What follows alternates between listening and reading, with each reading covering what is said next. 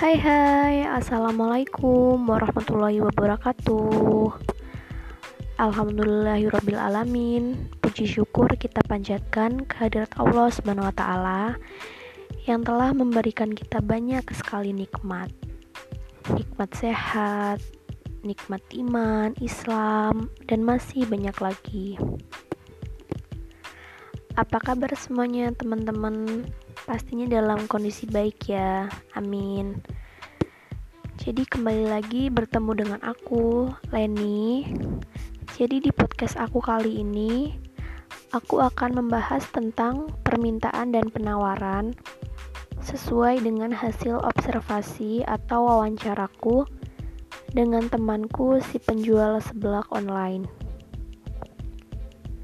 Di masa pandemi seperti ini, banyak sekali pedagang-pedagang yang mengaku mengalami penurunan omset, bahkan sampai mengalami kerugian.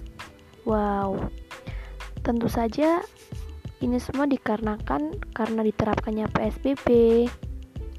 Jadi, banyak masyarakat yang tidak bisa keluar rumah ataupun beraktivitas seperti biasa.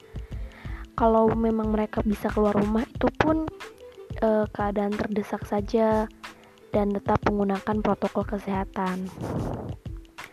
Setelah aku bertanya-tanya dengan temanku, menurutnya omsetnya saat pandemi naik turun, tidak tetap. E, hal itu dikarenakan banyak masyarakat yang berada di rumah dan tidak bisa keluar untuk membeli di kedai. Walaupun temanku berjualan online, tapi temanku juga merasa was-was untuk mengantarnya. Uh, awal-awal PSBB temanku mengatakan kalau ia hanya menerima delivery sekitar rumahnya saja.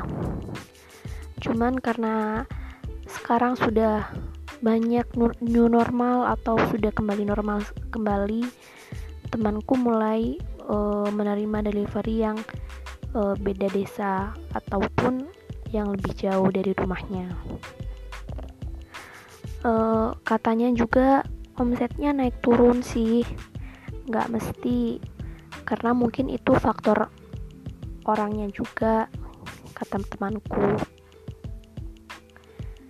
Pandemi COVID memang banyak berdampak bagi, bagi para pedagang.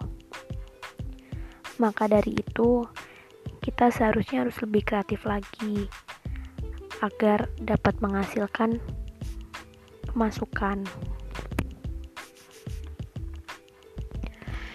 Jadi itu tadi hasil observasiku tentang permintaan penawaran dengan temanku si penjual sebelah online. E, menurutnya omsetnya naik turun. Intinya di saat pandemi seperti ini kita harus lebih kreatif dan inovatif lagi. Jadi agar bisa mengisi waktu luang dan agar tidak menjadi bosan. Uh, dan pesan juga untuk teman-teman, ketika keluar tetap menggunakan protokol kesehatan seperti membawa masker, hand sanitizer, dan lainnya. Cukup sekian podcast aku kali ini. Terima kasih dan sampai bertemu lagi. Wassalamualaikum warahmatullahi wabarakatuh.